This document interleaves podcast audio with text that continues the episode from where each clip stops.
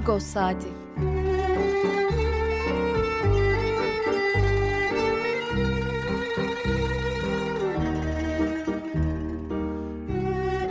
Haftalık Agos gazetesinin penceresinden Türkiye ve dünya gündemi. Agos'un mutfağından haberler, söyleşiler, olaylar.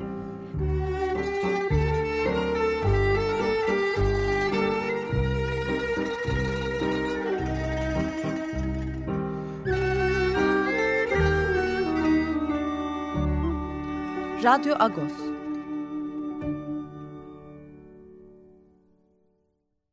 Radyo Agos. Evet, Radyo Agos devam ediyor. Bu bölümde genelde biz Pakrates Dükkanı'na, Pakrates Ahbalik'te programın başlangıcında e, ilk yarım saatte haftalık olan sohbetimizi yaparız.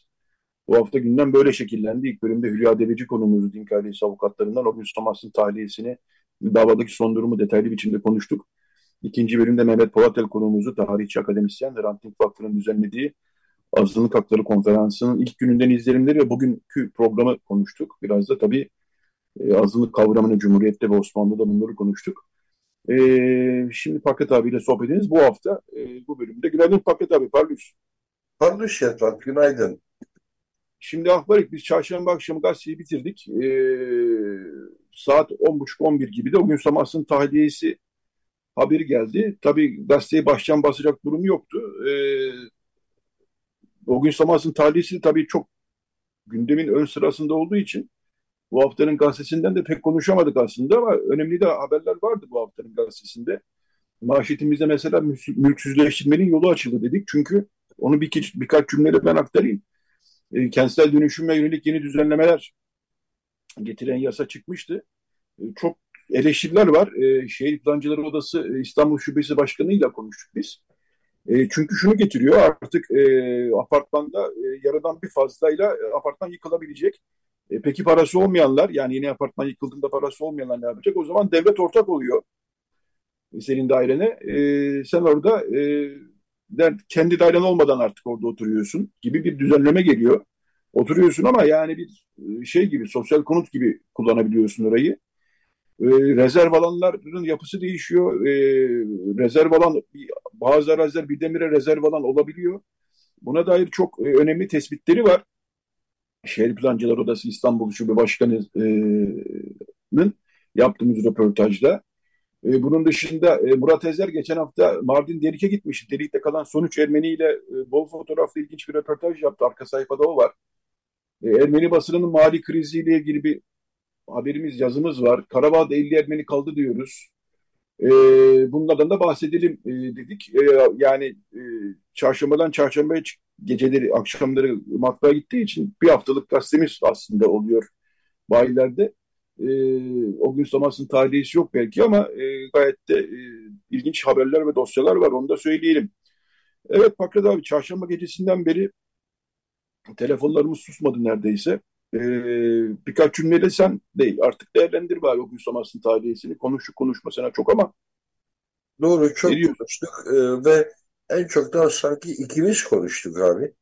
Ee, Hülya da epey konuştu. Hülya Deveci'yi de e, aradılar. Avukatı. Evet. Çünkü. Bahri Belen de aynı şekilde. Evet.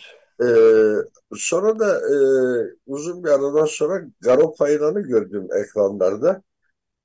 O da e, bu konuda benzer şeyler söyledi. Ortaklaştığımız nokta mesele e, o gün Samas'ın taliyesi meselesi değil bu e, davanın şimdi Hülya Adak'la e, konuş, e, Hülya Deveci ile de konuştunuz. Bir türlü e, öldür diyenlerin yargılanamaması meselesi. Yani bu işin azmettiricileri var. Bu azmettiriciler üstelik de çok deşifre olmuş isimler olduğu halde bunlardan hiçbirine dokunulmamış olması geçen 16 yıl boyunca e, esas konuşulması gereken sanki meselenin bu yönü. E, biz de bunu vurguladık. Ben de sen de hep bu noktaya e, temas ettik. E, yoksa o gün Samas'ın aldığı ceza belliydi, yatacağı süre belliydi. E, hatta uzun boşluklar olduğunda acaba farkında değiliz tahliye olmuş olabilir mi gibi e, sorular da aklıma takılmıştır e, geçen birkaç yıl boyunca sonuçta 16 e, yıl 10 ay zaten e, aldığı cezanın karşılığıydı, fazlasıydı. Cezaevinde bir de gardiyanlarla sorun yaşadı, kavga etti falan. E, onunla eklenen bir cezayla bu süre oldu. Birkaç ay erken tahliye edildi belki. E, oradaki adaletsizlikte gene biraz önce Hülya Deveci ile konuşulurken de vurgulanan adaletsizlik. Başkalarında bu haklar tanınmıyor. Tam tersine tahliye hakkı doğan insanlar e, cezaevi yönetimlerinin e, keyfi tutumlarıyla, keyfi disiplin cezalarıyla tahliyeleri engelleniyor. E, ama bu bizim katilimizdir dediklerini erken salıverebiliyorlar. Bir de buna tanık olduk. Bütün bunların yarattığı bir can sıkıntısı vardı. E, Raquel Dink'in de dün konferansta söylediği e, yaşımıza geri döndük e, dedi. O acıyı yeni baştan yaşamamıza duygusal anlamda sebep oldu. Yoksa Garo Bayram başka bir şey daha söyledi. E, o gün Samas aslında bir mağdurdur benim gözümde dedi. Kullanılmış bir aparat olarak bir adamın hayatını bir şekilde yönlendirdiler. Nasıl bir hayatı olurdu böyle bir şeye bulaşmasaydı bunu bilmemiş mümkün değil. Ama e, çok kötü kanalize ettiler, çok kötü kullandılar. Orası bir gerçek. İlk etapta aklıma gelen cümleler bunlar yeter bu konuyla Evet, ilgili olarak. evet. Ama bu tahlilinde kamuoyunun vicdanında karşı yani reddedildiğini de görüyoruz gerçekten. Ee, son 5-6 yıldır biz e, çok sayıda haber yaptık Dink davası süreciyle ilgili. Yani Yargıtay'a gitti. Dink ailesi avukatlarının talepleri karşılık görmüyor. Şimdi Yargıtay'da kabul etmedi. Bu talepleri şimdi Anayasa Mahkemesi'ne gidiyor dedik. Anmalarda katılımcı sayısı gitgide düşmeye başlamıştı son 5-6 yıldır. Sen de farkındasın herhalde. Yine geliyorlardı sağ olsun 1000 kişi, 2000 kişi, 3000 kişi belki ama ilk yıllardaki e, şey yoktu. E, katılım yoktu, ilgi yoktu. E, şimdi o gün sonrasının tahliye edilmesiyle kamuoyunun dikkati tekrar bu davaya çevrilmiş oldu. Biz de e, zaten anlatıp duruyorduk. Bu vesileyle bir kez daha anlattık ki davada şu durumda yani buralara gelmiş vaziyetteyiz e, diye tekrar kamuoyunun dikkatini çekmeye çalışıyoruz. Çünkü kamuoyunun dikkati olmazsa bu davada bir yere varamayız. Bir de öyle bir durum var. Yani zaten e, çok sorunlu bir yargılama süreci e, gidiyor. Çok sorunlu bir yargılama süreci ilerliyor. E, ama ilk yıllardaki e, dikkat ve adalet talebinin sürmesi çok önemli. Çünkü bu Türkiye'deki e, diğer siyasi cinayetlerin e, zincirine eklenebilir ama ayrı bir yönü de var. Hrant Dink Ermeni olduğu için öldürdü. Yani bu bir ırkçı cinayettir. Yani dolayısıyla e, bu cinayetle yüzleşmek, bütün cinayetlerle yüzleş, yüzleşmek zorundayız siyasi cinayetler açısından baktığımız zaman ama bu cinayetle bir kat daha yüzleşmek zorundayız. Bunda yüzleşemezse Türkiye, ben hep onu söylüyorum, yani yoluna sağlıklı biçimde devam edemez diye düşünüyorum. Ne dersin bilmiyorum. Evet, özellikle adalet talebi meselesine gelince adalet meselesi şu anda Türkiye'nin en birinci meselesi haline geldi gitgide.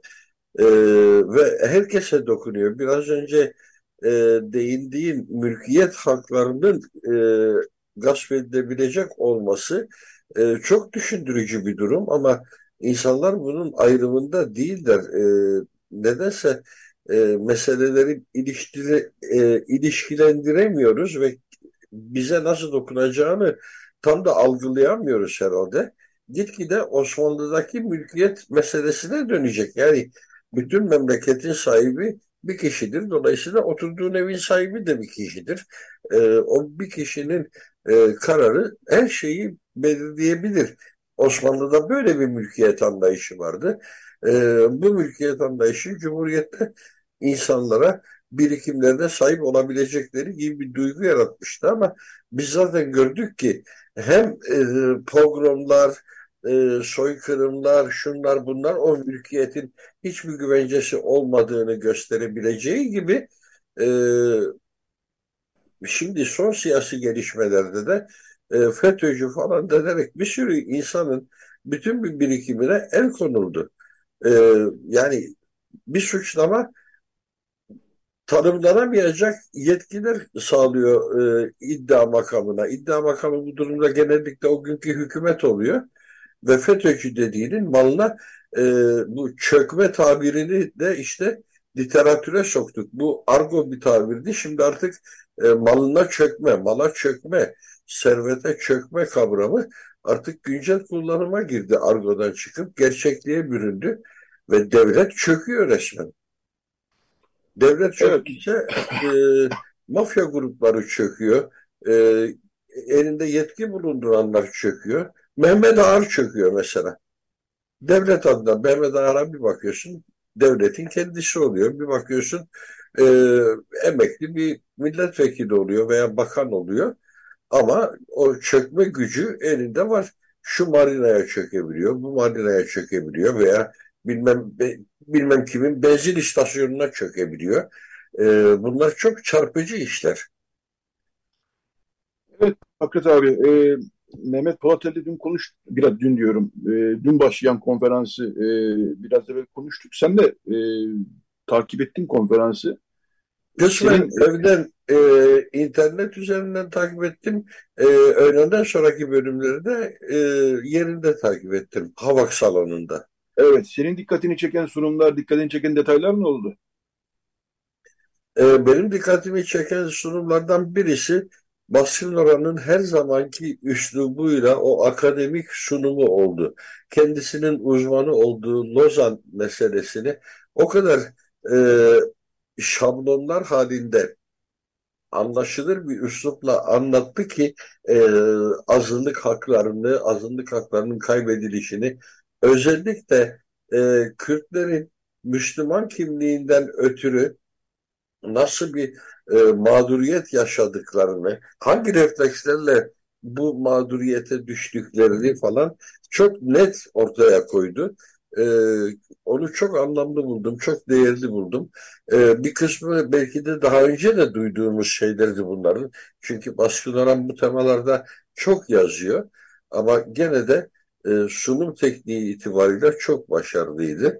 E, sonrasında gene e, bu 64'te e, 20 kilo ve 20 dolarla sınır dışı edilen e, Yunan pasaportu taşıyan İstanbul Rumlarının akıbeti ve onların Yunanistan'da yaşadıkları da çok ilginç bir sunumdu. Çok değerli bir sunumdu. E, bende en çok iz bırakanlar muhtemelen bunlar oldu. Şunu da belirtmeliyim ki bazı sunumlar fevkalade tek düze de kalabiliyorlar. Yani eğer bir konuşmacı konuşma yapmak için e, bir ülkeden bir ülkeye taşınıyorsa ondan sonra bir salonda insanlara hitap ederken e, oturup da kağıt üzerinde bir metni okuduğu zaman bu çok can sıkıcı oluyor. İnsanlara bir şey anlatamıyor. Yani o mektubu yaz, gönderseydin okurduk zaten. Hiç gelmene, zahmet etmene de gerek yoktu diyesin geliyor. Bu konferanslarda bu manzaralarla da karşılaşıyoruz. Bu da bir e, istisna değil. Yani her konferansta bir iki böyle sunum olabiliyor. E, buna da tanıklık ettim.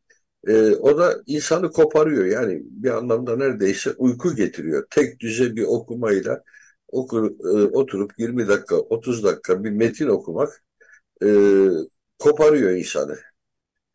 Bunu e, akademisyenlere söylüyorsun tahmin ediyorum. Çünkü çok büyük bir hazırlık yapıldı hakikaten konferans için. Çok büyük çabalar yürütüldü.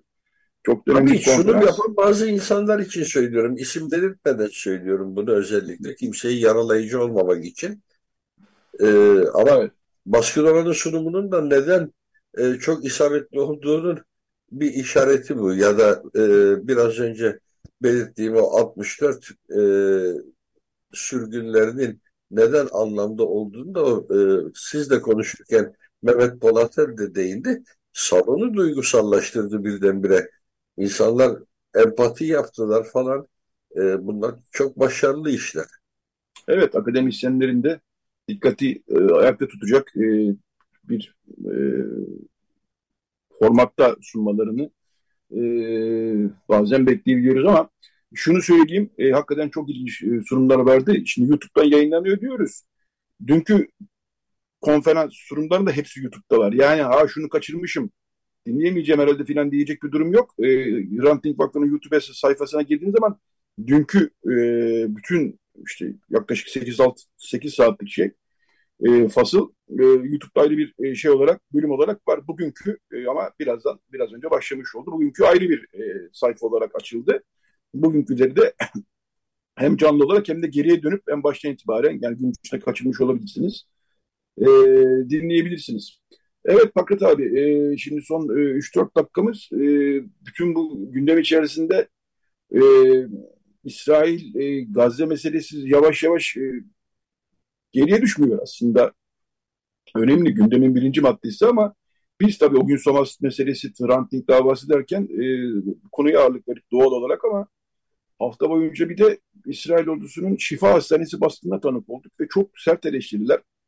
Çünkü İsrail diyordu ki burada işte Hamas militanları var, işte kimyasal silah var gibi şeyler diyordu şifa hastanesine.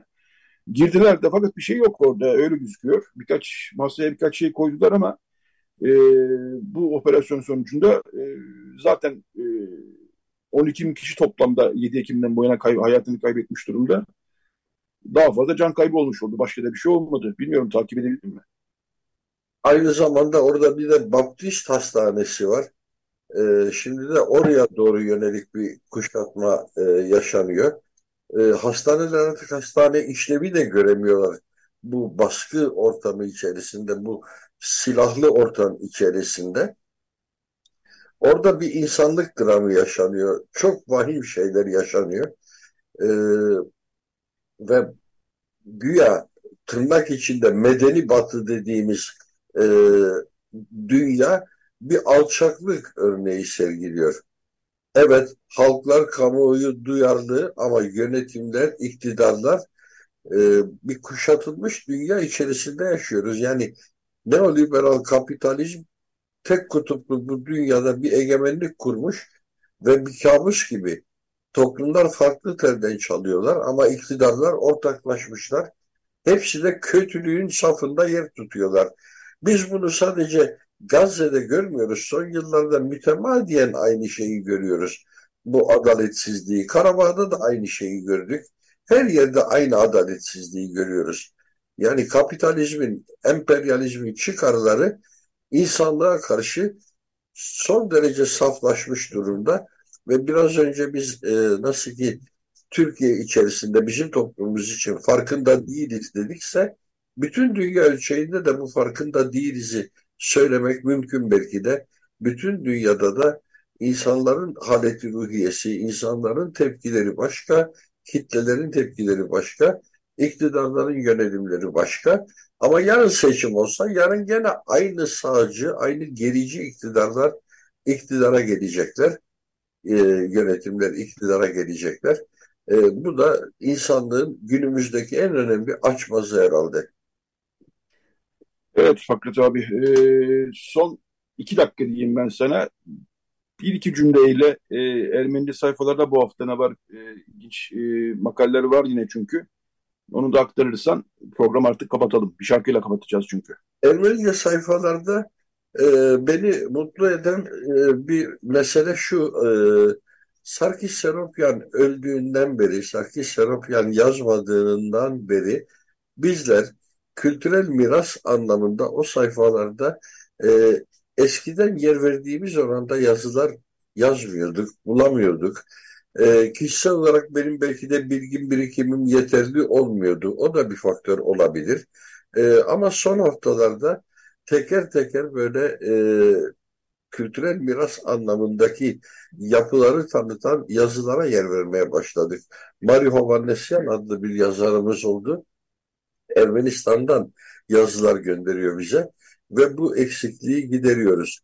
Ee, eski okurlar bilirler Ermenice sayfalarda e, kadim geleneklere dair, adetlere dair, bayramlara dair e, çok canlı anlatılar olurdu. Bunların hepsi Sarkis Serapyan'ın kişisel ilgi alanından kaynaklanan şeylerdi. Biz biraz daha güncel politik e, çalkantılara yoğunlaşmış olduk. E, bundan şikayetçi değilim. Bu da gerekli tabii ama öbürü aksadı biraz. E, son haftalarda e, o aksaklığı kısmen giderme yolları buluyoruz. Armenak Yeriyayan da gene e, sözcüklerin analiziyle aynen Noray Daduryan gibi makaleler göndermeye başladı. Onlara da yer vermeye başladık. E, bu hafta Ağustos Ermenice sayfalarında e, haberlerin dışında göze çarpan şeyler genellikle bunlar. Evet. Çok teşekkürler Akbarik. Bu hafta haftalık olan sohbetimizi son bölümde yaptık. Baş, genelde başta yapıyoruz. Bu hafta da Evet. böyle denk geldi. Ee, yağmurlu bir cumartesi günü e, olsun. E, yine de e, Hrant'ın arkadaşları programın başında da söylemiştik. Hrant Dink'in vurulduğu yere saat 2'de karanfili bırakacaklar. Çağrıda da bulunuyorlar. E, beraber yapalım bunu diyorlar. Bunu da hatırlatmış olalım. Teşekkürler Akbarik. İyi bir hafta sonu Evet. diliyoruz. E, Teşekkür ederim. E, bu konuda zaten bir e, talep var. Yani e, insanlar biraz da e, o gün salı, e, salı verildikten sonra tepkisini nasıl gösterir falan diye bir arayış da vardı. Nitekim e, 16'sında İşçi Partisi de e, Agos'un önüne yani eski Agos'un önüne Hrant'ın vurulduğu yere giderek bir etkinlik yaptı. E, bugünkü toplantıya da Hrant'ın arkadaşlarının düzenlediği toplantıya da galiba Deva Partisi de katılım gösterecek veya başka gruplar da onlar da e, Hrant'ın arkadaşları inisiyatifiyle e, bağ kurmuşlar. Bu anlamda talepte bulunmuşlar. Onlar da buyurun gelin demişler. E, bunu da belirtelim. Galiba sadece Hrant'ın arkadaşları değil e, toplantının çağrısını yapan onlar ama Çağırıyor onları. olan başkaları Çağırıyor da onlar yaptıysa. galiba. Başka gruplar da. Evet. Çağrıyı onlar yaptı. İsteyen katılabilir ama onlar orada olacaklar. Evet. Çok teşekkürler Akbarik. İyi bir hafta sonu diliyorum sana. Rica ederim. Rica ederim. İyi yayınlar dilerim. Bitti. Yayın da bitti artık. Tamam. Bir şarkıyla kapatacağım Akbarik. Ee, Ben evet, Ahmet mı abi? evet abi. Çok güzel. Peki. Ee, evet. Radyo Agos'un sonuna geldik. Beren Baltaş da yardımcı oldu. Ahmet Kaya'nın çok sevdiğimiz bir şarkısı. Hatta bir belgesele de ismini verdi. Hep sonradan şarkısını dinliyoruz Ahmet Kaya'dan. Bizden bu haftalık bu kadar. Haftaya yeni bir Radyo Agos'ta buluşmak ümidiyle.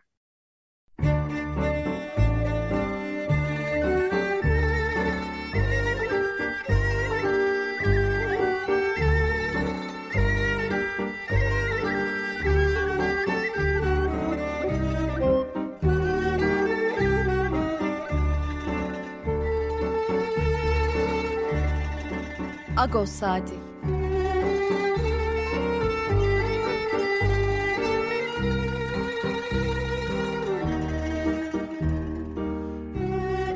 Haftalık Agos gazetesinin penceresinden Türkiye ve dünya gündemi. Agos'un mutfağından haberler, söyleşiler, olaylar.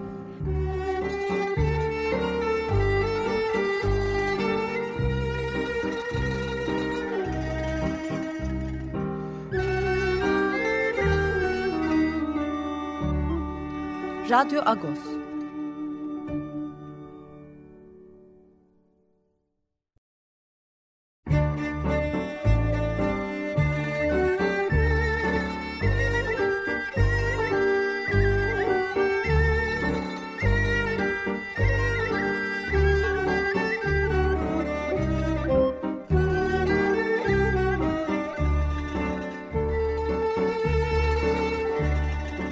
Agos Saati.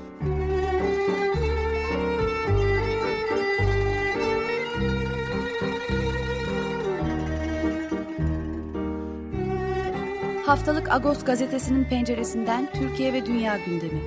Agos'un mutfağından haberler, söyleşiler, olaylar.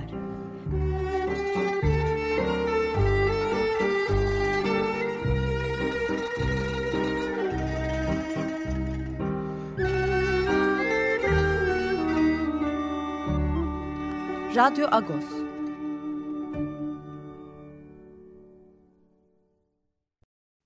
Radyo Agos'tan günaydın. Parlus.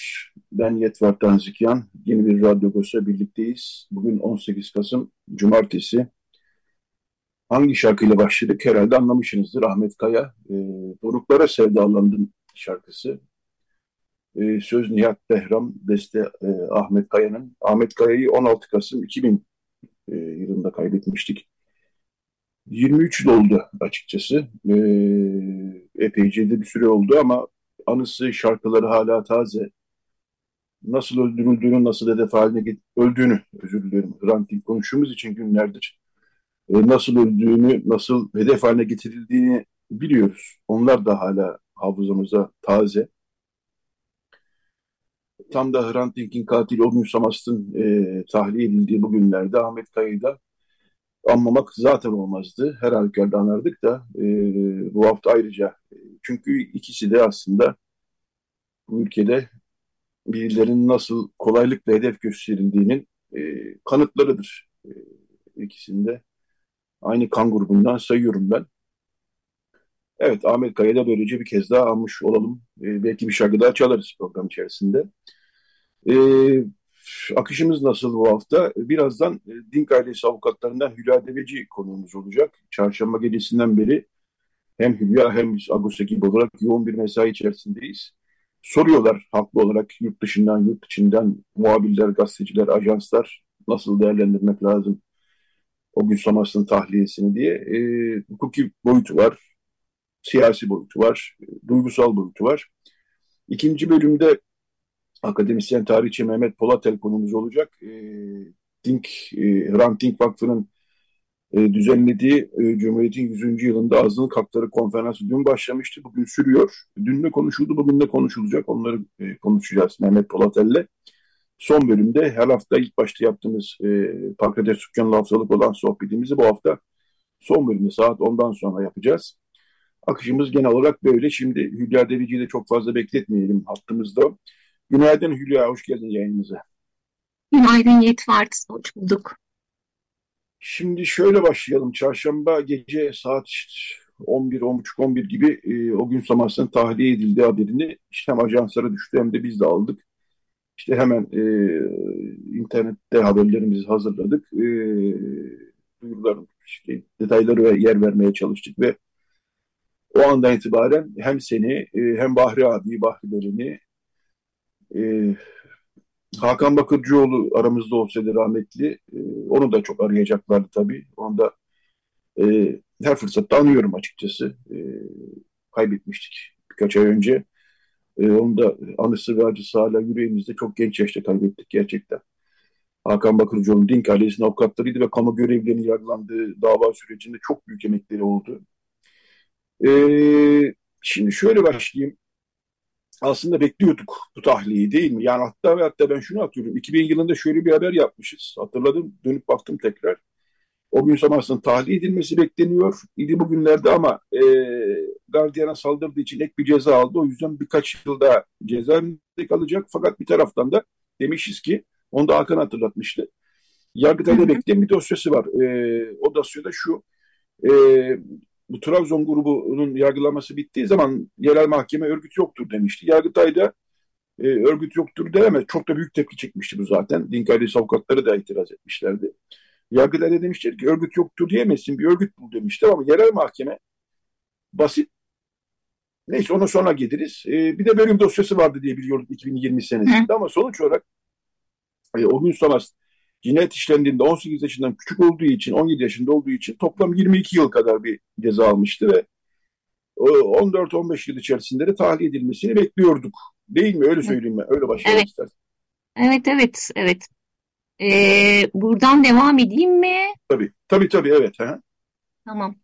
Ee, ya sen özetledin, ee, bir de günlerdir anlatıyoruz zaten ama özete sadece şey ekleyeyim. Evet, o haber yapıldığında e, o dönem daki bilgilere göre Yargıtay'a e, mahkeme o gün ve diğerlerine örgüt üyeliğinden ceza vermişti. Ana davadan kamu görevlilerinin yargılandığı dosyadan ayırdığı zaman aşımı riski söz konusu diye başka bir esasa kaydetti ve bunlar hakkında ceza verdi. Dosya Yargıtay'a gitti tabii ki. Biz e, mahkeme basit 220 yani 220. maddeyi nasıl açıklayalım? Örgütlü suç kategorisinde değil de suç örgütü, herhangi bir suç örgütü kapsamında daha basit yani tırnak içinde çete diye hı hı. Adlandırılan bir suçtan dolayı ceza maddesinden dolayı ceza verdi. Yargıtay'a gittiğinde dosya o gün ve birkaç kişi hakkında e, Yargıtay suçun e, örgüt üyeliği anlamındaki suçun zaman aşımının dolmasından dolayı dosyanın o gün hakkındaki dosyanın düşürülmesine karar verdi. Doğal olarak e, Yargıtay'da bekleyen dosyada zaman aşımından düştüğü için aslında senin o dönemde yazdığın bilginin üstüne ma maddiyatta değişen hiçbir şey olmamış oldu. E, o gün e, TCK 220 anlamında e, her ne kadar işte çete ya da suç örgütü herhangi bir terör örgütü de değil. e, buradan ceza alsaydı aslında çıkışı biraz daha fazlaya ertelenecekti. Fakat sen de günlerdir dile getiriyorsun, ben de günlerdir dile getiriyorum. Sorun o günün e, işte 30 yıl ya da 35 yıl az ya da çok ceza alıp almaması meselesi değildi. E, buraya gelinen süreçte gerçekten de yargılamaların e, düzgün yapılıp yapılmaması, soruşturmaların e, etkin açılıp açılmaması, e, sürekli şey deyip durduk. Bu başlı başına 19 Ocak 2007'de icraatı gerçekleşmiş ve sonucunda Hrant Dink'in öldürüldüğü bir olay değil. Hrant Dink hedef haline getirildi o sürece kadar, cinayet anına kadar ve bu hedef haline getirilmede e, o kadar katmanlı e, dahilleri olan kişiler, kurumlar oldu ki bunun içinde siviller var, özel kurumlar var, e, yer yer devlet kurumları var, devlet görevlileri var. Çok fazla şikayet yapıldı. O Türkiye hakaret meselesinden dolayı başlatılan ciddi bir linç kampanyası var Hrant Dink'e karşı. E, almış olduğu ceza var. Onun Yargıtay tarafından onanması var. Ve bütün bunların ötesinde bunları e, hiç girmesek bile Hrant Dink'in Ağustos'ta e, Sabiha Gökçen'e dair yaptığı haberden sonra Genelkurmay'ın herhalde Türkiye tarihinde hiçbir zaman böyle bir açıklama yapmadı bireylere dair. Yapmış olduğu açıklamayla verilen start var aslında. Bütün bunları soruşturmadan, bütün bunları kovuşturmadan biz maddi gerçeğe ulaşılamayacağını, e, bu cinayeti kimlerin tasarladığını, kimlerin emri verdiğini, kimlerin yol verdiğini, kimlerin sessiz kaldığını, kimlerin korumadığını çok kapsamlı ve her yönüyle araştırarak kişilere, bulunacak kişilere ceza verebilirsiniz dedik. Ama yargı refleksi hep şöyle davranıyor bu siyasi cinayet dosyalarında. Hep kadük, hep zamana yayarak, hep parça parça bir şeylerin yolunu açıyor. Çünkü ciddi bir direnç var Türkiye pratiğinde de yıllardır bunu görüyoruz zaten. Belki ilk defa Hrant Dink davasında e, böylesi bir siyasi cinayet dosyasında bu kadar çok kamu görevlisi yargılandı ama bu kamu görevlilerinin yargılanması da aslında e, 2010 senesinde verilen Ahim tarafından verilen Hrant Dink'in yaşam hakkının ihlali kararına dayanıyordu. Aslında Ahim böyle bir karar vermesi yine bunun da önü açılmayacak bir yerde. Ya, o yüzden e, o gün az ceza alıp almaması meselesi değil ya da koşullu salı vermeden yararlanıp yararlanmaması başka bir tartışma konusu elbette ama gerçekten de cinayet tüm yönleriyle açığa çıkarılmadan yapılan yargılamalar sonucu o güne sanki adli bir vaka e, sonucu ceza almış gibi infazını yatıp çıkması sorun zaten.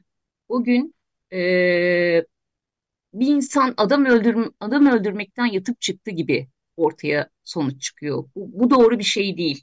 Bütün Türkiye evet, oraya, e, orada o şeyi biraz daha e, Yargıtay'daki o e, örgüt e, meselesini biraz daha belki birkaç cümle daha açmak gerekebilir.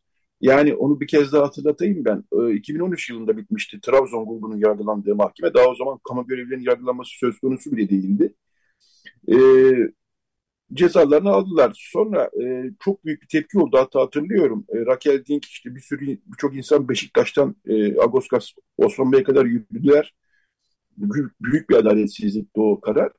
Biraz da bu tepkilerle belki de Yargıtay'da dedi ki yerel mahkemeye sen örgüt bulamamışsın. Bir örgüt bul sen demişti. Yerel mahkemede evet. bildiğim kadarıyla senin dediğin 220. maddeden bir örgüt hı hı. hükmü kuruldu. Bu da yine senin dediğin gibi yani bir böyle üstüne bir araya gelmiş bir çete e, tarif ediyor. Evet. Halbuki siz, halbuki siz silahlı terör örgütü var burada haklı olarak demiştiniz. Yani oradan hüküm kurulması lazım. Evet. E, avukatlar böyle itirazlar yapmışlardı. Fakat e, bu böyle kaldı. Yani e, çete diyelim biz buna. 220'den kaldı. 314'ten değil. 220'den kalınca da zaman aşımına girdi. Halbuki 314'ten yani silahlı e, terör örgütünden kursalardı bu Trabzon grubunun yaptığı eylemi. Ki herhalde öyle olması gerekiyordu. Çünkü bu grubun evet, büyük evet. kısmı cinayetten bir sene önce Trabzon McDonald's'ı bombalamışlar yani. E, aynen, aynen öyle. E, buradan kursalardı e, o gün savaş belki birkaç yıl daha yatacaktı. Öyle anlıyoruz. E, hı hı. Ama sonuçta iş dönüp dolaşıyor. Şuna geliyor. E, senin daha evvel bahsettiğin gibi. Yani o gün so ben de onu söylüyorum açıkçası. Bize soruyorlar e, nedir bu olay diye. O gün Somas 5 yıl daha yatsaydı bu dava tamam çözülmüş mü olacaktı yani? yani hallolmuş mu olacaktı her şey? Bence değil. Ama yine de e, Raquel Dink'in dün e, konferansın e, açılışında yani Hrant Dink Vakfı'nın düzenlediği Cumhuriyet'in 100. yılında azınlık hakları konferansının açılışında yaptığı konuşmada tabii ki o gün sabahsın tahliye edilmesine değindi. E, şunları söyledi birkaç cümle hatırlatayım. E, bir kez daha adaletsizliği yüzümüze çarpıp e, yasın en ağır günlerine geri yolladılar bizi e, diyor. Şunu bir kez daha hatırlattılar. Hrant'ın cinayetini konuşmadan Türkiye'de azınlık haklarını konuşmak mümkün değildir diyor ama e, yani simgeselde bir anlamı oldu aslında o gün Somas'ın tahliye edilmesinin. E, bir o yönü var. E, bir taraftan da şunu söylüyor. E, o da önemli. E, Raquel Dink, e, Yargıtay ilk kez saçmalamış gibi yapamıyoruz. E, Hrant Dink'in kalemini kıran da aynı Yargıtay değilmiş gibi yapamıyoruz diyor. E, ve şunu da ilave ediyor. E, onu da e, aktarmam lazım. E, Hrant'ın cinayeti davasında adaletin yerini bulması şu ya da bu kişinin 3-5 yıl fazla ya da az ceza alması değildi. Daha ilk günden beri karanlığın sorgulanması gerektiğini söyledik. Bu davada adaletin yerini bulması ülkenin demokratikleşmesi için olmazsa olmazdır dedik e, diyor. Fakat sonuçta e, o gün sonrasının tahliye edilmesinin hem Link ailesinde hem bu konu davada adalet talep edenlerde ve çok birçok kesimde e, sarsıcı bir etkisi olduğunu da söylememiz lazım. Öyle de oldu gerçekten çünkü hı hı. Cinayetin simgesel isim. Yani tetiği çeken isim sonuçta. Evet 17 yaşındaydı cinayet işlendiğinde ama e, sonuçta e, özetle şunu demek lazım. E, bu tahliye kamuoyu vicdanını yaralamış gibi gözüküyor ki bence de öyle. Böyle bir yönü var. E, ben ya e, tam evet. söylediğin sebepten e, gerçekten insanlar neden rahatsız ve biz de tabii ki e, cinayetin tüm yönlerinin açığa çıkarılması meselesinde e, gösterilen o direnç adım atmama konusunda ya da etraftan dolanma konusunda ya da kadükleştirme, olayı kadükleştirme konusunda e, gösterilen çabalar doğal olarak cinayeti ortaya çıkartamıyor bir türlü tüm yönleriyle. Bu yani tetikçiye biz ceza verdik, o da cezasını yaptı çıktı bakın daha ne yapabiliriz e, noktasına getirmeye çalışıyor. Sorun bu değil zaten. Tetikçi evet yatacaktı ve bir yerde de çıkacaktı. Sorun e, onun hiçbir zaman çıkmaması meselesi de değil. Zaten ailenin de böyle bir şeyi yok. Yani hukuk kuralları herkes için uygulanmalı zaten. Her zaman savunulan bir şey. Bu başka bir şey. İkincisi de şu. E, tamam 3 e, yıl 5 yıl daha fazla yatabilirdi ama yine de herkesin dile getirdiği şey var biliyorsun. Koşullu salıverme meselesi o güne niye uygulandı? Yani cezaevlerindeki gözlem evet. kurulları niye yani birçok insana siyasi muhalif e, tutukluya ya da hükümlüye pardon hükümlüye bu koşulu salı verme hakkından yararlanmazken iyi halli ya da iyi niyetli değilsin sen diye e, o gün içeride bir de suç işlemiş biri hani ona, ona neden neye göre karar verdiler ve iyi halli topluma uyum sağlayabilir noktasında bir karar verdiler. Burası da tabii ki insanları rahatsız ediyor. Birilerine uygulayıp birilerine uygulamazsanız ve bunun bir kriteri olmazsa bu da tabii ki keyfiliğe ve rahatsızlığa yol açacaktır. Ee, evet onu da bir iki cümle e, benim anladığım kadarıyla ben bir tarif edeyim. Sen de hani e, doğru ya da yanlış e, ekleme yaparsın. Yani şimdi normalde bir kişi bir ceza aldığı zaman genelde yakın zamana kadar şöyle oluyordu. Üçte ikisini yatıp çıkıyordu. Yani 22 yıl ceza aldıysa işte 14-15 yıl yatıp çıkıyordu. Evet ortalama. Hı hı. E, şimdi e, öğrendiğim kadarıyla yeni bir uygulamaya geçilmiş. Yani üçte ikisini yattıktan sonra cezaevi gözlem kurulları e, senin tutumunu beğenirse tahliye oluyorsun. Beğenmezse bu son derece subjektif bir karar oluyor tabii. Beğenmezse de tahliye olmuyorsun. O 22 yıl diyelim ki biz buna şimdilik bu örnekte yatmaya devam ediyorsun. E, burada zaten biz son birkaç aydır sık sık şeyi görüyoruz. Yani e, yatması gereken e, bölümü başka siyasi e, tutuklular için söylüyorum bunu. Yatması gereken bölümü yattığı halde tahliye edilmiyor haberlerini görüyoruz. Yani Gülten Kışanak yanlış hatırlamıyorsam e, hukuki bir konu olduğu için yanlış da yapmak istemiyorum ama benzer durumda olan çok sayıda siyasi tutuklu var. Bunlar uygulanmıyor e, bu koşullu salı verme fakat nasıl olduysa o gün sonrası uygulandı. Doğru mu anlıyorum? Evet evet. Bir de ben şunu belirteyim. Şimdi çok fazla tartışma yapılıyor. E, so, Numan Kurtulmuş da infaz kanunumuzu değiştirmek lazım gibi bir şeyler söylemiş ama bizim yaptığımız tartışma şey değil. Var olan infaz kanunu Bu sefer herkes için aleyhe değiştirilsin gibi bir talebimiz yok. Sorun uygulama herkes için aynı şekilde uygulansın meselesi. İnfaz kanununa göre e, kişinin aldığı cezanın üçte ikisini yatıp çıkıyor e, olmasına dair bir tartışmamız yok bizim ya da karşı çıktığımız nokta bu değil. E, üçte ikisini yatıp o gün çıkıyorsa başkaları da çıkabilir ama başkaları çıkmayıp o güne uyguluyorsanız sorun çıkıyor işte. Değilse var olan kanun değiştirilsin, insanlar infaz kanununda indirim yapılmasın. Bunlar değil yani kesinlikle buraya da gelmemesi gerekiyor sürecin. Hani kişiler e, aleyhine bir durumunda bu tartışmanın ona zemin de vermemesi gerekiyor. Bunun da altını çizeyim özellikle. Bu söylenilen bambaşka bir olay. Evet, e, yavaş yavaş kapatacağız ama var 5-6 dakikamız. Şunları da konuşalım tabii. Dava ne durumda? Bu da e, önemli bir konu. E, çünkü biz şunu da söyleyeyim. E, biz her türlü gelişmede, e, duruşmalarda burada konuşuyoruz, gazetede konuşuyoruz. E, fakat son 5-6 yıldır da e, davaya ilgi de biraz düşmüştü. Yani duruşmalara çok az insan katılım gösteriyordu, gelişmeler hiçbir reaksiyon göstermiyordu. Şimdi kamu görevlilerinin yargılandığı dava 2021 yılında e, yanlış bilmiyorsam sonuçlandı. Biz çok insan ceza gidip birçok insanda hüküm gidip birçok insanda zaman aşımı ve beraatlı bu işten kurtulmuş oldu. Siz de Dink ailesi avukatları olarak Hakan da e, tabii içindeydi. E, bu kararı istinafa götürdünüz. Dediniz ki yani etkin bir soruşturma yapılmamıştır. E, bu cinayette payı olan birçok insan hakkında, polis şefi, bürokrat hakkında zaman aşımı veyahut da beraat kararı verilmiştir. Hrant Dink'i hedef haline getiren süreç sorgulanmamıştır diyerek kararı istinafa götürdünüz. İstinaf kararı onadı. Yani sizin talepleriniz dikkate almadı ve e, onamış oldu. Bu sefer de Yargıtay'a götürdünüz. E, Yargıtay sizin taleplerinizi karşılık vermek sizin e, ama yine de birkaç e, sanık açısından e, kiminin hükmünü onadı, kimin hükmünü bozdu ama sizin taleplerinize karşılık vermemiş oldu. Hı hı. Şimdi e, Anayasa Mahkemesi'ne götürdünüz galiba değil mi? Birkaç cümlede evet. o süreci de e, konuşalım istersen. Hı hı. Ya yine aslında konuya evet o konuyu da eksik bıraktık. E, bu sorunla birlikte biz yeniden yargılama talepli Anayasa Mahkemesi'ne bireysel başvuruda bulunduk. O da e, hakkında bu ana davada hakkında beraat ya da düşme kararı verilen sanıklar açısından biz dosya delil durumu ve maddi gerçekliği açısından e, bu sanıkların da ceza alması gerektiğini düşünüyorduk ve içinde bildiğimiz birçok isim var. Celalettin Cerrah, Engin Dinç, Reşat Altay gibi, e, Metin Yıldız gibi e, kamuoyu tarafından daha çok bilinen isimler var. Bunların e, mahkeme ve Yargıtay'ın da onadığı üzere Yargıtay da aynı şeyi düşünüyor.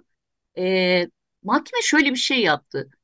FETÖ örgütü diye adlandırdığı örgüte üye olduğunu düşündüklerine e, bu cinayetten dolayı ve örgütten dolayı ceza verdi. Öyle olmadığını düşündüklerini de beraat ettirdi. Oysa e, hepsi Trabzon'daki de, İstanbul'daki de, İstihbarat Daire Başkanlığı'ndaki de, jandarmadaki, polisteki de her bir kurum, her bir ildeki e, ceza alanların yapıp ya da yapmadıklarıyla ceza almayanların yaptıkları ve yapmadıkları aynı fiillerdi. E, Trabzon'da bir istihbaratı almış, İstanbul Emniyetine gönderiyor bu istihbaratı. Direkt ölüm istihbaratı üstelik hani istihbari bilgiyi de geçen bence kesin teyitli direkt ne olursa olsun ne pahasına olursa olsun Hrant Dink'in öldürüleceği ibaresi geçiyor. Daha ne olabilir ki bu bilgide? Buna rağmen İstanbul hiçbir şey yapmıyor. Ne koruma alıyor, ne operasyon için ne yaptınız diyor. Biz burada ne yapalım diyor. Hiç hiçbir yerle konuşmuyor. Herkes kendindeki bilgiyi ilk Trabzon tek bir bilgiyi İstanbul'a gönderiyor. Onun dışında elde edilen hiçbir bilgi hiçbir kurumla paylaşılmadığı gibi hiçbir kurum kendiliğinden de harekete geçmiyor. Sorun e, ama bunların bir kısmı beraat aldı. Biz yeniden yargılama talepleri Anayasa Mahkemesi'ne başvurduk. Şimdi burada yine o gün Samas meselesine şuradan bağlanacak. Diyelim ki Anayasa Mahkemesi talebimizi yerinde gördü ve yeniden yargılama yolu açıldı bu beraat eden sanıklar hakkında. E, geri dava açıldığında ne olacak? Bu insanların yargılaması yine zaman aşımı nedeniyle düşecek bir süre sonra. Yani devlet sürekli işte dediğimiz bu yargı refleksinin tanırtılması, e, sürekli e, kadip bir şekilde yapılmaya çalışılması, parça parça soruşturmaları ve kovuşturmaları açma konusundaki direnci, hareketleri bizi cezasızlıkla karşı karşıya getiriyor. Aslında sorun tam da bu. Birinin 20 yıl ceza alması değil. Biz yıllar sonra birilerinin yargılama meselesini ikna edebiliyoruz. Ama yargılama hakkı geldiğinde bu sefer kişi doğal olarak kanun gereği zaman aşımından yararlanıyor. Ve sürekli bir cezasızlık noktasına geliyoruz.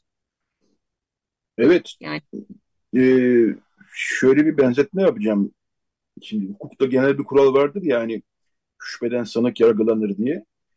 Ee, dev- Türkiye'de devletin de içinde olduğu siyasi cinayetlerde ise e, zamandan sanık yar- yararlanıyor. evet Ee, maalesef yani doğru diyorsun. yani e, birçok karanlıkta kalan dava oldu tabii. Ee, işte Uğur Mumcu cinayetinden başta bunu söyleyebiliriz. Yani kimsenin kamuoyunun tatmin olmadığı, evet dava çözülmüştür diyemediği birçok dava oldu. Siyasi cinayet davası oldu. Bu dava tabii bambaşka bir dava çünkü Hrant Dink Ermeni olduğu için öldürüldü ve ilk kez bir davada bu kadar fazla sayıda kamu görevlisi yargılanıyor aslında. Yani 60'ın Evet, 70'in üzerinde kamu görevlisinden bahsediyoruz. Evet bunların bir kısmı evet, siyasi çekişmelerin sonucu belki denebilir ama sonuçta bunların hepsi baktığımız zaman şu ya da bu biçimde bu cinayet sürecin içinde rol oynamışlar. hı hı. Fakat e, yani kamu görevlilerinin yargılandığı süreç bence kötü yönetildi ve kötü değerlendirildi. Bilmiyorum katılır mısınız? Ya şöyle e, tabii ki e, bizim ya olması gereken anlamında kötü yönetildi e, yargı cephesi Ama bir açısından. fırsat Ama vardı. bir efendim Bir fırsat vardı ama. evet bir fırsat vardı ama yet var. Şunun da altını çizmek gerekiyor sanırım işte e, Hakan'la da sürekli bunu konuşurduk. Biz de öyle düşünüyoruz da. E, aslında evet alması gerek yani çıkması gereken sonuç çıkmadı. Hala eksik kovuşturma ve soruşturmalar var. Ama bir yandan da şöyle bir şey var. Bu dosyada aslında bir yandan da o kadar çok maddi gerçek açığa çıktı ki biz bu dosyada bu dosyayı e, başından sonuna tüm evraklarıyla e, okuyan hukukçu olmasına gerek yok. E, hukukçu olmayan daha farklı insanlar bile basitçe şunu görecekler. Devlet o kadar çok kurumuyla, organıyla, kişisiyle bu cinayetin içinde farklı aşamalarda yer almış ki bu maddi gerçek de aslında açığa çıktı dosyada. Zaten sorun o. Bu kadar bağırarak dillendirmemizin e, sebebi de bu. Aslında bu e, yargılamaların e, gerçeğe ulaşması için sonuç anlamında gerçeğe ve çeperinin net bir şekilde, spesifik bir şekilde ortaya çıkarılması için çok fazla delil var dava dosyasında. Birçok gerçek de çıktı aslında. Hiçbir belki siyasi cinayet dosyasında çıkmayan şekilde bunu da belirtmek gerekiyor. Tabii sizin çabalarınızı burada mutlaka e, saymak lazım. E, ben de işte bilhassa kamu görevlilerinin yargılandığı dava sürecini hemen hemen e, bütün duruşmalarına katıldım. Orada senin dediğin gibi e, birçok gerçek ortaya çıktı. Siz sürekli e, Bahri Belen, sen, e, Hakan Bakırcıoğlu, diğer arkadaşlar sürekli soruşturmanın genişletilmesi için çabalar gösterdiniz, yeni açılımlar ortaya koydunuz ve dediğin gibi dava dosyasına bakıldığı zaman e, epeyce bir e, durum ortaya çıktı. Bunu da hani küçümsemek lazım. Bu da sizin çabalarınız sayesinde oldu ama e, kamuoyu vicdanında hala evet bu cinayet çözülmüştür, tamamdır artık e, her şeyi biliyoruz. E, vur diyenler de ortaya çıktı diyeceğimiz bir duruma henüz ulaşamadık. E, çok teşekkür ediyorum Hülya Deveci yayına katıldığın Ben için. teşekkür ediyorum. İyi yayınlar. E, var mı eklemek istediğin bir iki cümle yoksa konuştuk mu her şeyi? Hayır yok. Tamam peki. Evet, e, Dink ailesi avukatlarından Hülya Deveci konuğumuzdu. E, o gün Samas'ın tahliye edilmesini ve e, konuştuk. Dink davasındaki son durumu konuştuk. E, tekrar teşekkürler Hülya, kolay gelsin diyorum sana. Size de kolay gelsin. Evet, e, bu, e, bu bölümü kapatırken şu hatırlatmayı da yapalım. Hrant'ın arkadaşları inisiyatifi de e, bugün saat 2'de e, Hrant Dink'in vurulduğu yere karanfil bırakacaklar. Ama tabii çağrıda da bulunuyorlar. Hep beraber yapalım diyorlar. E, Hrant'ın arkadaşları inisiyatifini biliyor olmalısınız. Bütün dava sürecini başından beri takip ediyorlar. Duruşmaları takip ediyorlar. Duruşma öncesi basın açıklamalarını yapıyorlar. E, 19 Ocak anmalarını tertipliyorlar. Bugün saat 2'de e, Hrant Dink'in vurulduğu yerde e, yere karanfil bırakacaklar ve dediğim gibi gelin bunu hep beraber yapalım diyorlar. Evet şimdi bir reklam arası. Reklamdan sonra e, Radyo Agos e, Hrant Dink Vakfı'nın e, düzenlediği Cumhuriyet'in 100. yılında Azıntılar Konferansı'na biraz daha yakından bakacağımız bir bölümle devam edecek. Evet, reklamlar. Radyo Agos Radyo Agos Evet, Radyo Agos devam ediyor. Ne dinledik? Meşhur Leyla, e, Lübnanlı bir rock grubu. E, onun e, Beyrutlu, daha doğru söyleyelim. E, ceketli kız, e, Arapça müzik yapıyorlar. E, çok da sevilen, bilinen bir grup. E, fakat 2022 yılında nefret söylemine maruz kaldılar. Çünkü LGBT'yi e, konusuna önem veriyorlardı. Fakat e, Lübnanlı ve Arap dünyasında maruz kaldıkları nefret söylemi nedeniyle çalışmalarını durdurdular. E, son haber bu onlarla ilgili. E, azınlık haklarını konuşurken bir meşhur Leyla'da e, dinleyelim dedik. Evet bu bölümde e, Hrant Dink Vakfı'nın düzenlediği ve dün başlayan e, Cumhuriyet'in 100. yılında e, Azınlık Hakları Konferansı'nı konuşacağız. E, dün gün boyu takip ettik. Bu arada söyleyelim yani konferansı takip etmek için e, vakıf binasına gelmeniz şart değil. YouTube'dan Hrant Dink Vakfı'nın YouTube sayfasından hem Türkçe hem de İngilizce e, izleyebilirsiniz konferansı. Çok da ilginç sunumlar vardı. Şimdi tarihçi bir akademisyen, e, Hrant Dink Vakfı'nda da çalışmalarından biliyoruz Mehmet Polateli. Mehmet Polatel konuğumuz. Günaydın Mehmet, hoş geldin yayınımıza. Günaydın Akbayık, Parlus. Parlus. Sen de dünden beri, çok öncesinden beri koşturuyorsun tabii bu iş için. Biliyorum. E, şöyle başlayalım istersen. E, Raquel Dink'in açılış konuşmasını zaten e, paylaştık. Herkes artık biliyor diye düşünüyoruz. E, ama çok kapsamlı bir e, şey var. E, programı var. E, konferansın. E, şöyle başlayalım. E, şöyle bir özelliği var çünkü. E, dün Birleşmiş Milletler Azınlık Hakları konularındaki eski raportör, e, yani BM'nin eski azınlık raportörü diyebiliriz. Fernand de Varen de bir açılış konuşması yaptı, kapsamlı bir konuşma yaptı. E, önce ondan başlayalım istersen çünkü birkaç dikkat çekici nokta e, var onun konuşmasında. E, şunu gördüm yani 80'ler 90'lar arasında azınlık hakları konusunda şimdiye kıyasla biraz daha iyi durumdaydık ama şimdi durum pek de iyi değil e, dedi. Kulağıma çarpan açıklamalarından bir tanesi. Birkaç cümleyle sen nasıl değerlendirdin konuşmayı? Evet, e, kesinlikle öyle. Yani e, kendisi Fernando Varens e, aslında 6 yıl 3 aylık e, dönem içerisinde bu görevini yerine getirdi. Bu süreç tabii ki birçok yerde gözlemlerinde bulundu, incelemelerde bulundu. Dün yaptığı açılış konuşmasında da aslında temel meselesi 30-40 yıl önce sizin dediğiniz gibi 1990'larda böyle bir umut vardı. Bu umutun nedenleri arasında işte Birleşmiş Milletler azınlıklarla ilgili bir bildirge yayınladı. Onun ardından Avrupa Konseyi yine azınlıkların korunmasına dair bir çerçeve sözleşme e, yayınladı. Bunların hepsi aslında azınlık hakları alanında iyiye gidecek bir e, açılımın e, göstergeleriydi. Ama Fernando Öğrensin dediği hani bu e, iyimserliğe, bu e, olumlu gidişata rağmen terse doğru bir gidiş yaşandı. Hala e, birçok e, ülkede azınlık hakları ile ilgili sorunlar devam ettiğini dile getirdi. Hatta hani söylediği şey e, İkinci Dünya Savaşı'ndan bu yana şu an en çok e, yerinden edinmenin olduğu dönem. Aslında şu an yaşadığımız dönem. Bu da aslında azınlık ve bu yerinden edinmelerinin ya da ülkelerde yaşanan iç çatışmaların büyük bir nedeninin de azınlıklarla alakalı sorunlar olduğunu bu nedenle aslında azınlık meselesini çok güncel, çok e, önemli sorunlar arasında yer aldığını dile getirdi.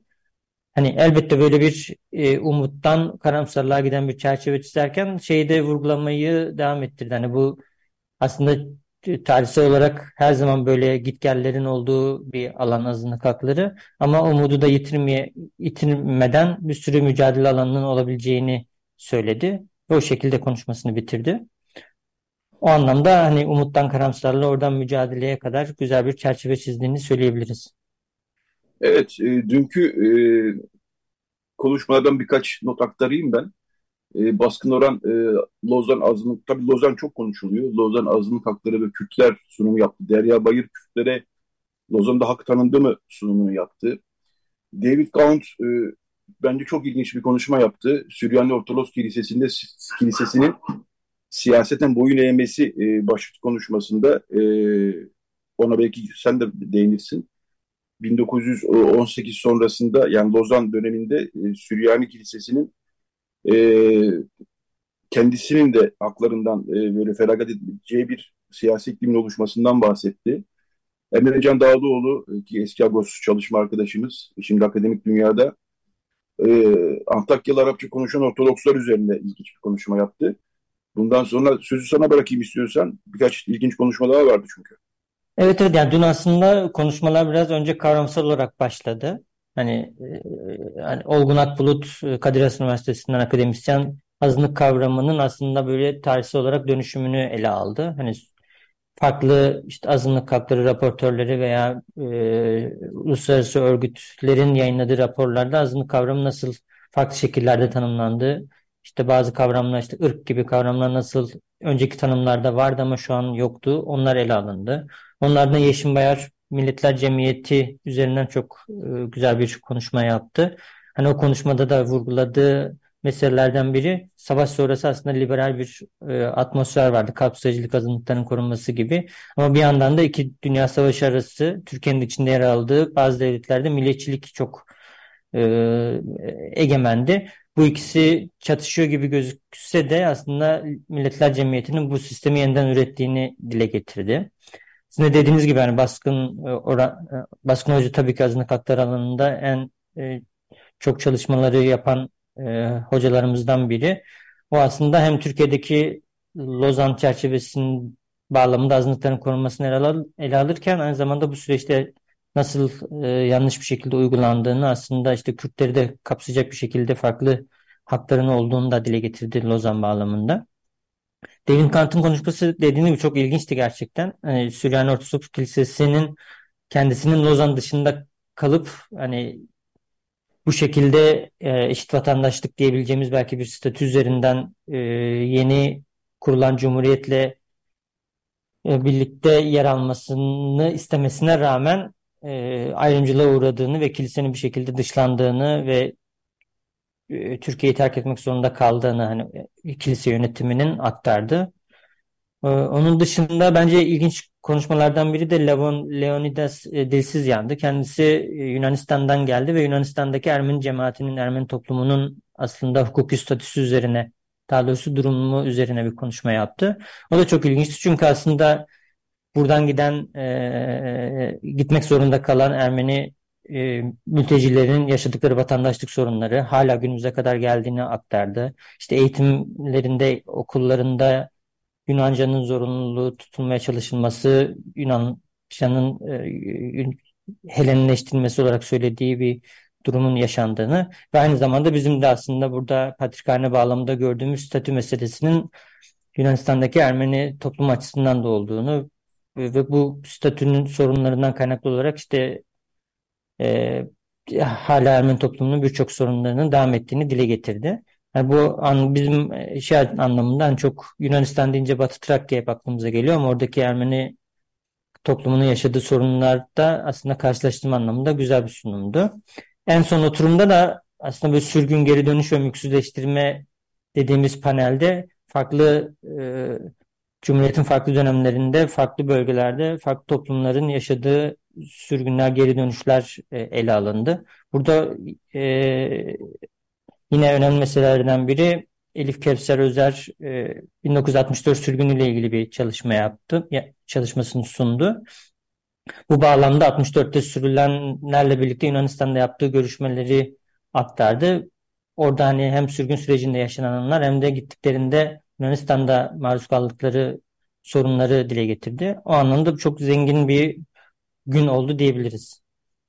Evet, e, Elif Kevser Özden'in sunumu hakikaten e, çok etkileyici. Birçok insan da çok etkilendik dediler dünkü sunumlardan. E, ben şey tekrar bir cümleye dönmek istiyorum. Levon Leonidas e, Nitisizya'nın. Ben mesela e, hani Ermenilerin yani 1915 sonrası bilhassa e, Yunanistan'a sığınan Ermenilerin hani bunlar da mağdur insanlardır diyerek hani çok fazla ayrımcılığa uğramadıklarını düşündüm ama vatandaş konusunda bile çok büyük sıkıntılar çekmişler meğerse. Çünkü Yunanistan da orada bir ulus devlet e, sürecine girmiş ve e, helen olmayanlara artık böyle bir e, başka türlü e, gözle bakılan yani e, bu açıkçası beni de çok bilgi açısından zenginleştirdi diyebilirim. E, bugün şimdi birazdan başlıyor aslında saat 10'da. E, şöyle bir program bakıyorum gene zengin bir program var. E, kaç e, başlıklarını okuyayım sonrasında sen devam edebilirsin. Melis Cankara'nın e, İzmir Urla Yarımadası'ndan fragmanlar Rum Envali Metrukesi'nin yeniden kullanımı başlıklı sunumunu e, dinleyeceğiz bugün. E, felaket sonrası Antakya bölgesi ve İstanbul Miray Çakaroğlu'ndan bir sunum dinleyeceğiz. Cem Reyna, Türkiye'deki Yahudilerin e, aidiyet hissiyatı, duygulanımlar, duygulanımlar ve karşılaşmalar e, başlıklı bir e, sunumunu dinleyeceğiz. E, senin de notlarını e, istiyorsan paylaş. Evet hani e, dünden devam ediyoruz aslında. Dün hani dediğim gibi önce kavramsal e, çerçeveyle başladık ve sonra artık bazı temel azınlıkları da ilgilendiren azınlık haklarıyla alakalı temel meseleleri ele aldık. Hani dün kimlik ve mülksüzleştirme üzerineydi. Biraz buna yine devam ediyoruz. Hani kültürel miras e, ve mülkiyet bağlamında biraz daha hafıza kısmı da olacak. E, işte mesela Özge Kurban Hizam Bitlis'te bir eski bir Ermeni köyündeki kolektif bellek üzerinden bir okuma yapacak. Onun dışında yine kimlik ve aidiyet e, ve dışlanma panelinde yine hem Cem Reyner Yahudiler üzerine konuşurken Sıhrak Papazyan Müslümanlaştırmış Ermeniler üzerinden yaptığı sağ çalışmasını bize aktaracak. Hani nasıl e, gönüllü dahi olsa hani böyle bir Müslümanlaştırma olduğunda yaşanabilecek sorunların hala Ermeni olarak görünmeleriyle ilgili konulara değineceğini e, düşünüyorum.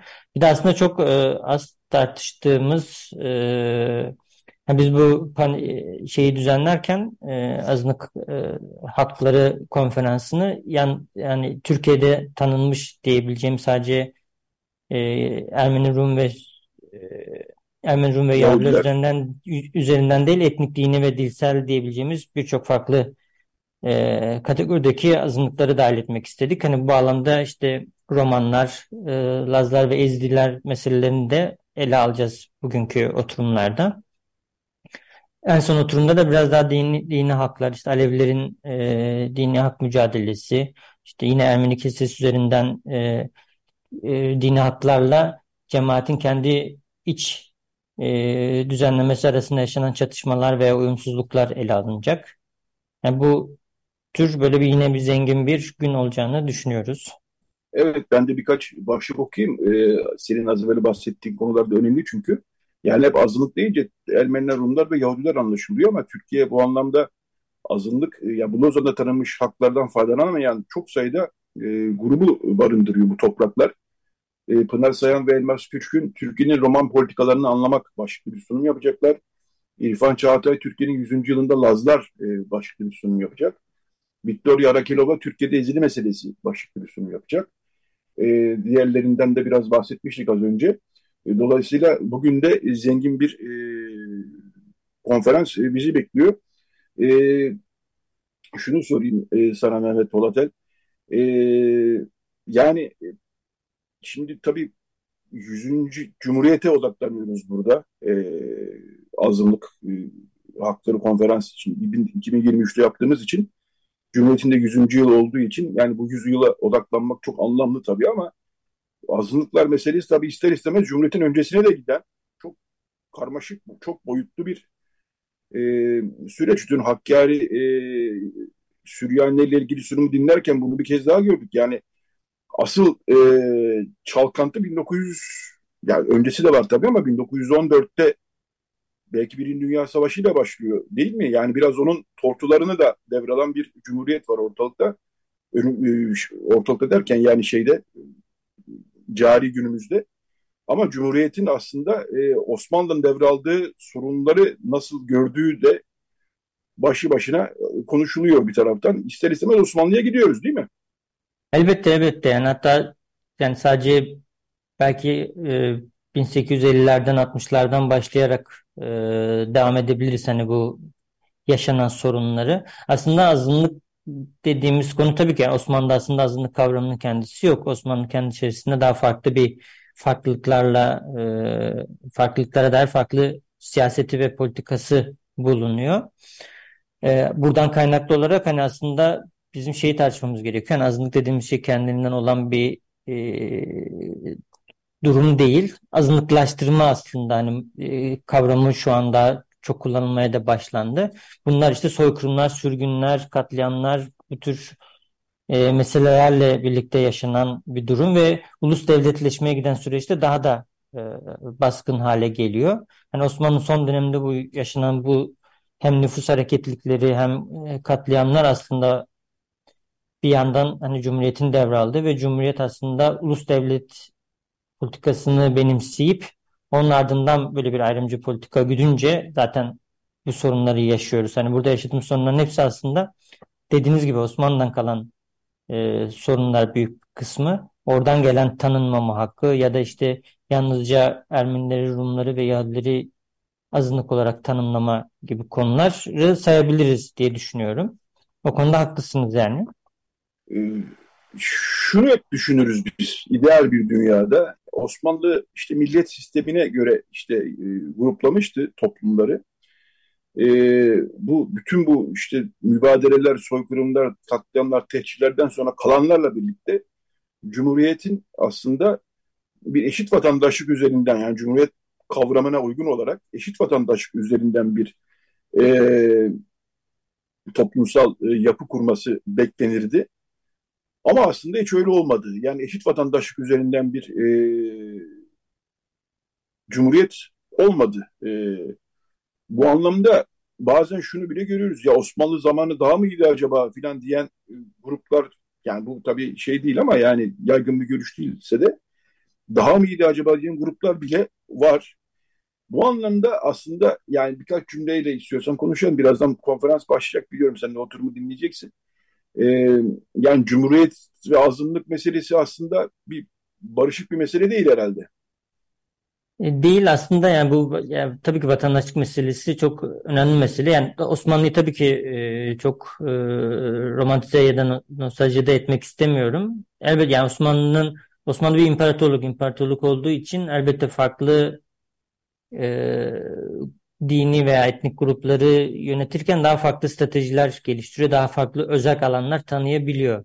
Ama merkezleştirmeyle ve işte modern devlet dediğimiz hani her kesime ulaşayım bu tür e, e, kendi kendine yönetilebilen özel alanları e, özel alanları yok edici bir politika gütmeye başladığı andan itibaren aslında sorunlar çıkıyor. Ama Cumhuriyet aslında ulus devlet diyebileceğimiz başka bir sistem. Bu sistemin kendisi zaten çok böyle dayatıcı ve tekleştirici bir sistem haline geliyor. Hani e, elbette biz e, işte millet sistemi bağlamında düşünülse bile yani Cumhuriyet kurulur kurulmaz yaşanan sorunların başında tabii ki Kürt meselesi geliyor.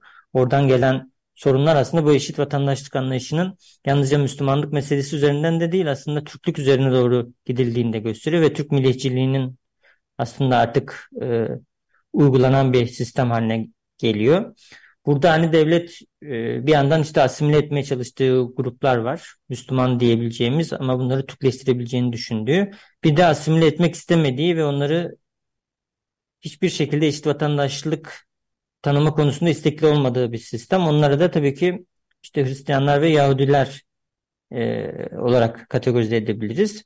Hani onun için yani Cumhuriyet sistemi içerisinde dediğim gibi ben, ben hani en başından beri çok eşit vatandaşlık politikası güttüğünü düşünmüyorum. Hani bununla ilgili yapılan çalışmalar da zaten bunu gösteriyor. Hani e, bir grubu hiçbir zaman zaten asimile edilebilir ya da işte bir şekilde entegre edilebilir olarak görmedi ve görmeyecek. Diğerlerini de zorla asimile edici bir politika ve tekleştirici politika e, güttüğü için de o da yine çok işleyemedi ve bunların hepsi günümüze kadar devam eden bir sorunlar yumağı haline geldi. Evet, e, bugün devam ediyor dediğimiz gibi e, dinleyicilerimiz. E, birazdan başlayacak konferansı, iki gün boyu sürecek. E, Ranting Vakfı'nın YouTube e, adresinden e, İngilizce, Çince sunumlar da oluyor. Onlar için simultane çeviri yapılıyor özetle. Böyle Türkçe olarak e, ve İngilizce olarak iki farklı seçenek içerisinde takip edebilirler. E, çok teşekkür ediyorum Mehmet Polat'a. Dediğim gibi birazdan konferans başlayacak. Sen de konferansı dinliyorsun gün boyunca. Dün de dinledin. Zaten hazırlık komitesinde e, yani çalışmaların da içerisindesin. Hazırlama çalışmaların da içerisindesin. E, çok teşekkürler e, yayına katıldığın için. E, sana kolay gelsin diyorum. Biz de birazdan orada olacağız zaten. Teşekkürler. Ben de davetiniz için teşekkür ederim. İyi çalışmalar. Teşekkürler. E, evet, e, Mehmet Polat Eldi konuğumuz. E, şimdi bu bölümü de bir şarkıyla e, kapatalım. E, Meral Aktaş, e, Süryanice e, şarkılar deyince e, bilinen bir isim. Ondan bir Süryanice bir şarkı dinleyeceğiz. Dilio Hilito Şafito şarkısını dinleyeceğiz. Daha sonra reklam arası, daha sonra da artık Patates Dükkan'la bu hafta son bölümde sohbetimiz. Patates Dükkan konumuz olacak. Evet, Meral Aktaş'ı dinliyoruz. Radyo Agos.